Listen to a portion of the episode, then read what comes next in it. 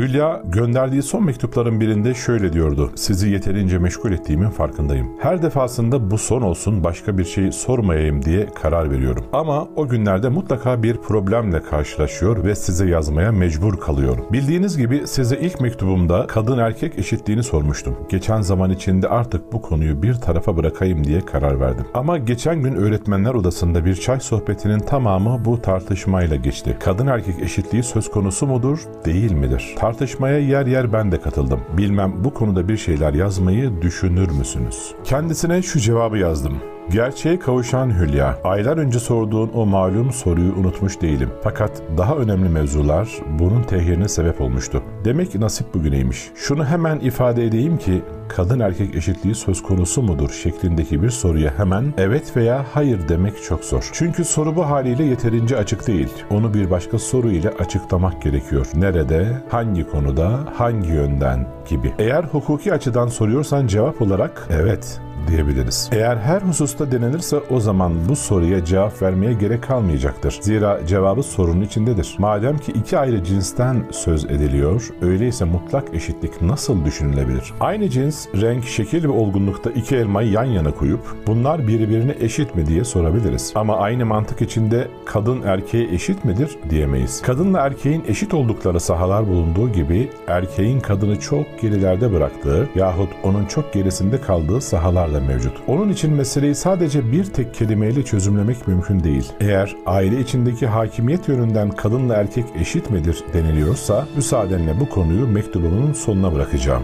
Şayet kadınla erkek arasında insanlık itibariyle yani iyi insan, üstün insan olma noktasında bir fark var mıdır diye sorulursa o zaman şunu hemen belirtmek isterim. Hakimiyet başka, üstünlük ve fazilet daha başkadır. Bu ikincisinde hemen çala kalem şu yahut bu üstündür demek çok zordur. Çünkü ister kadın ister erkek olsun her insan Allah'ın kuludur. O hangi kulunu üstün tutuyor, daha çok seviyorsa ve hangi kulundan razı ise üstünlük ancak O'nundur. İlahi ferman olan Kur'an'a baktığımızda üstünlük ölçüsü olarak karşımızda cinsiyetin değil takvanın çıktığını görüyoruz. Evet Allah indinde üstünlüğün ölçüsü takvadır. Nedir takva? En kısa ifadesiyle Allah'tan korkmak, günahlardan sakınmak, onun razı olmadığı hareket, tavır, hal ve sözlerden uzak durmak. Onun rızasına ermeyi en büyük maksat bilip bunu kaybetmekten son derece korkmak. İşte kim böyle yaparsa üstün insan, faziletli insan olur. Bu noktada cinsiyete itibar edilmemiştir. Takva denildi mi hemen salih ameli de hatırlıyoruz. Salih amel yani hayırlı güzel işler görmek. Onda da cinsiyete itibar edilmiyor. Mesela okunan her Kur'an harfine karşılık 10 sevap verilmişse bu bütün insanlar için böyle. Kadına daha az, erkeğe daha çok sevap söz konusu değil. Soruyu bir de psikolojik yönden ele alabilir ve şöyle sorabiliriz. Kadınla erkek arasında psikolojik yönden farklılık var mıdır? Bu soruya hiç tereddüt etmeden elbette diye cevap verebiliriz. Şimdi sana bu iki cins arasındaki ruhi farklılıkları kısaca sıralamaya çalışacağım. Hemen belirteyim ki yazacaklarım benim şahsi tahmin veya kanaatlerim değil, bu konuda mütehassıs ilim ve fikir erbabının görüşlerinin bir özeti olacak. Kadınla erkek arasındaki psikolojik farklılık kendini çocukluk çağından itibaren göstermeye başlar. Erkek ve kız çocukların oyuncakları farklıdır. Bir kız çocuğu en çok oyuncak bebekleri sever. Henüz evlilik nedir bilmediği o yaşlarda bebeklerini bağrına basar, öper, elbiselerini değiştirir, beşikte sallar ve uyutur. Günün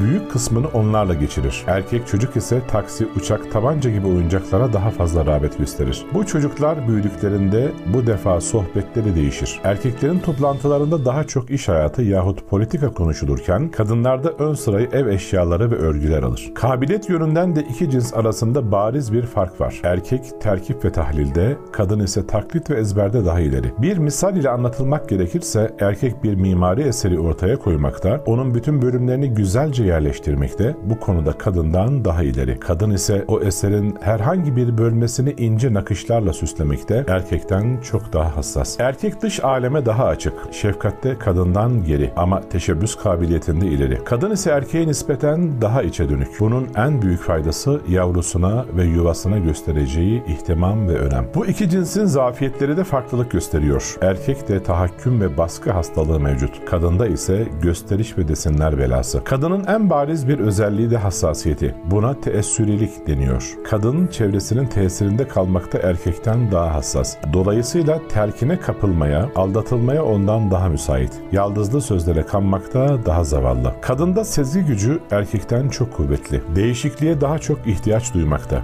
Yenilik ve heyecana daha çok aşık. Vücut büyüklüğü itibariyle ve güç kuvvet yönünden kadın erkekten genellikle daha geri. Bunun neticesi olarak sığınma ihtiyacı kadında kendini daha fazla gösteriyor. Ama bazılarında bu ihtiyaç aşağılık kompleksine dönüşüyor. Bu da erkeklik kompleksi olarak kendini gösteriyor. Kadın hayat arkadaşına ona nispetle daha çok bağlı, ondan daha vefalı. Dünya sevgisinde ve şehvette erkekten çok ileri. Dolayısıyla şeytana alet olmaya daha müsait. İşte Hülya kadını bu psikoloji içinde değerlendirmeli, onun erkekleşmesine değil, ideal bir kadın olmasına çalışmalıyız. Etrafımıza şöyle bir göz atalım. Bütün canlılarda bedenler ve ruhlar arasında mükemmel bir uygunluğun mevcut olduğunu göreceğiz. Her ruh kendi bedeninde rahattır. Ceylan ruhunu aslan bedenine sokmak ve onu aslanca davranmaya zorlamak en başta o sevimli ruha zarar verir. Her kükreyişte ruhundaki letafetten birazını kaybeder. Her hamlede kendi öz güzelliğinden bir parçayı harap eder. Bunun bir başka türlüsü erkekle kadın arasında geçerli. Bu iki cinsin bedenlerindeki farklılık ruh yapılarında da görülüyor. Bunu bilmezlikten gelip kadın erkek eşitliği diyerek kadını erkekçe davranışlara itmek en başta kadına zarar verir. Aslında bu vadide gösterilen kasıtlı ve yoğun faaliyetler bir bakıma hiçbir şeyi değiştirememiştir. Hüküm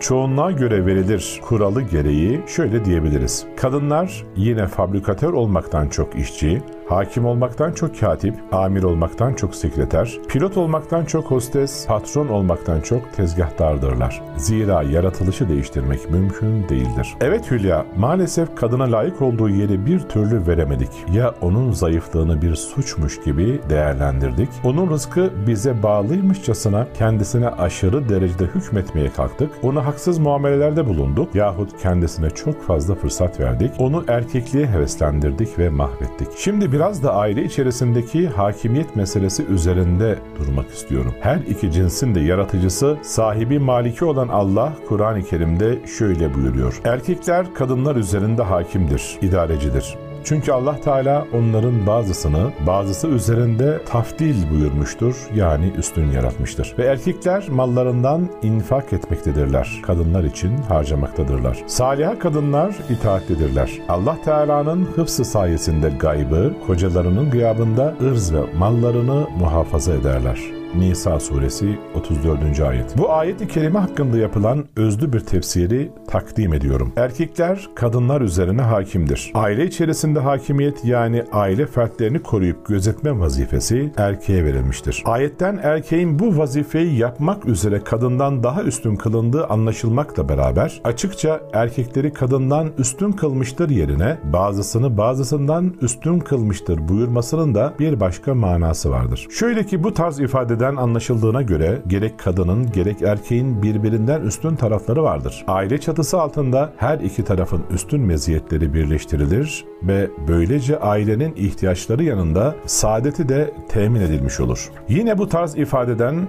şu mana da anlaşılmaktadır. Her erkek her kadından üstündür diye bir hüküm vermek doğru olmaz. Bazı kadınların müstesna bir yaratılışa sahip oldukları, yine bazı erkeklerin de erkeğe ait hususiyetleri taşımada, bazı kadınlardan daha kifayetsiz oldukları ayrı bir gerçektir. Bununla beraber aile en küçük bir cemaat olması itibariyle onu her halükarda bir hakim olacaktır. Bu hakim her zaman ve her şart altında yine erkektir. Bunu da ayetin devamından anlıyoruz. Erkekler için ve mallarından infak etmektedirler. Yani çoluk çocuğunun ve hanımının nafakalarını temin etmektedirler buyuruluyor ayeti kerimede. Onun için iyi kadınlar itaatkardırlar diye son buluyor ayeti kerime. Demek aile içerisinde hakimiyet hakkı erkeğe verilmiş. Kadının da ancak kocasına itaat etmekle iyi kadın olacağı ifade buyurulmuş. Bu hakimiyet meselesiyle ilgili olarak peygamberin imamet gibi birçok vazifelerin de erkeğe verilmiş olduğunu ayrıca dikkat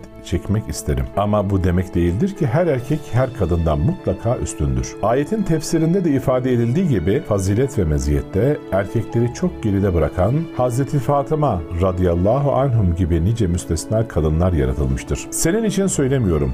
Ama bu tip soruların arkasında genellikle ilahi adalete itiraz havası hissedildiğinden bu konu üzerinde biraz da durmak istiyorum. Şunu hemen ifade etmek isterim. Eşitlik başka, adalet daha başkadır. Cenab-ı Hakk'ın şu alemdeki icraatı ve tasarrufu eşitlik üzerine değil, adalet esasına göre cereyan ediyor. Şöyle bir düşünelim. Eğer mutlak eşitlik olsaydı ya her şey yoklukta kalırdı veya sadece bir cins varlık yaratılırdı. Zira ikinci cins yaratıldığında eşitlik bozulurdu. Demek ki eşitlik sadece hayal ve vehim sahasında söz konusu. Akıl, kalp ve vicdanda yeri yok. Bedenimizdeki organlar arasında da eşitlik söz konusu değil. Ama her organ niçin yaratılmışsa o vazifeyi görebilmesi için gerekli bütün özellikler kendisine adaletle verilmiş. Bu çok önemli bir husus. Maalesef çoğu zaman gözden kaçıyor. Serçe ile kedinin eşit olmadıkları malum ama her ikisinde de ilahi adalet bütün berraklığı ile okunmakta. Kedilik mahiyeti neyi gerektiriyorsa ruh haletinden diş ve tırnak yapısına,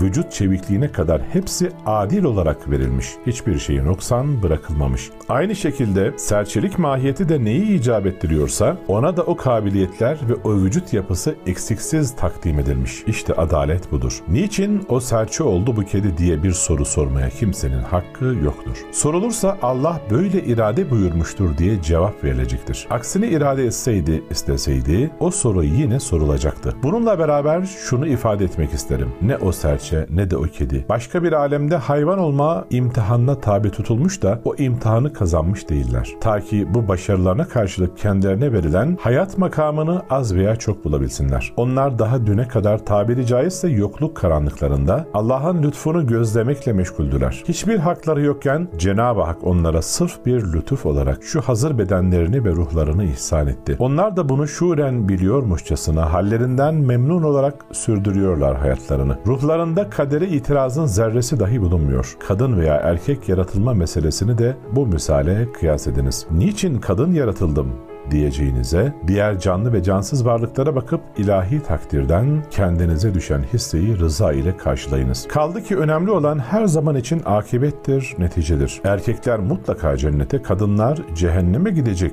diye bir hüküm olmadığına göre her iki cins de kendilerine verilen ömür sermayesi ile ebedi saadetlerini kazanmak için azami gayret göstermek durumundadırlar. Yarın bu saadeti kaybedecek insanların bugün şu veya bu cinsten olmaları bilmem ki ne mana ifade ifade eder. Bu vesileyle senin çok önceleri sorduğum bir soruya da kısaca temas etmek isterim. Bütün insanların gerçeği bulmak hususunda eşit şansa sahip olup olmadıklarını sormuştun. Soru bir yönüyle ilahi adaletle ilgili. Bu konuya daha önce bir kader sohbeti adlı kitapçıkta bir şeyler yazmıştım. İstersen bakabilirsin. Hülya, şu gerçeği hiçbir zaman hatırından çıkarmamalısın. İnsan Allah'ın kuludur. Bedenindeki her organı ve ruhundaki her hissi, her duyguyu, her kabiliyeti ona Allah ihsan etmiştir edilmiştir. Bu kainat sarayı Allah'ın mülkü ve şu aciz insanda onun nazlı bir misafiridir. Gerçekten çok nazlı misafirleriz. Öyle değil mi? Her gün milyarlarca hücre değiştiriyoruz, farkında biri değiliz. Üzerinde bulunduğumuz yer küre müthiş bir süratle yol alıyor. Hiç aklımızdan geçmiyor bile. Kanımız her nefes temizleniyor.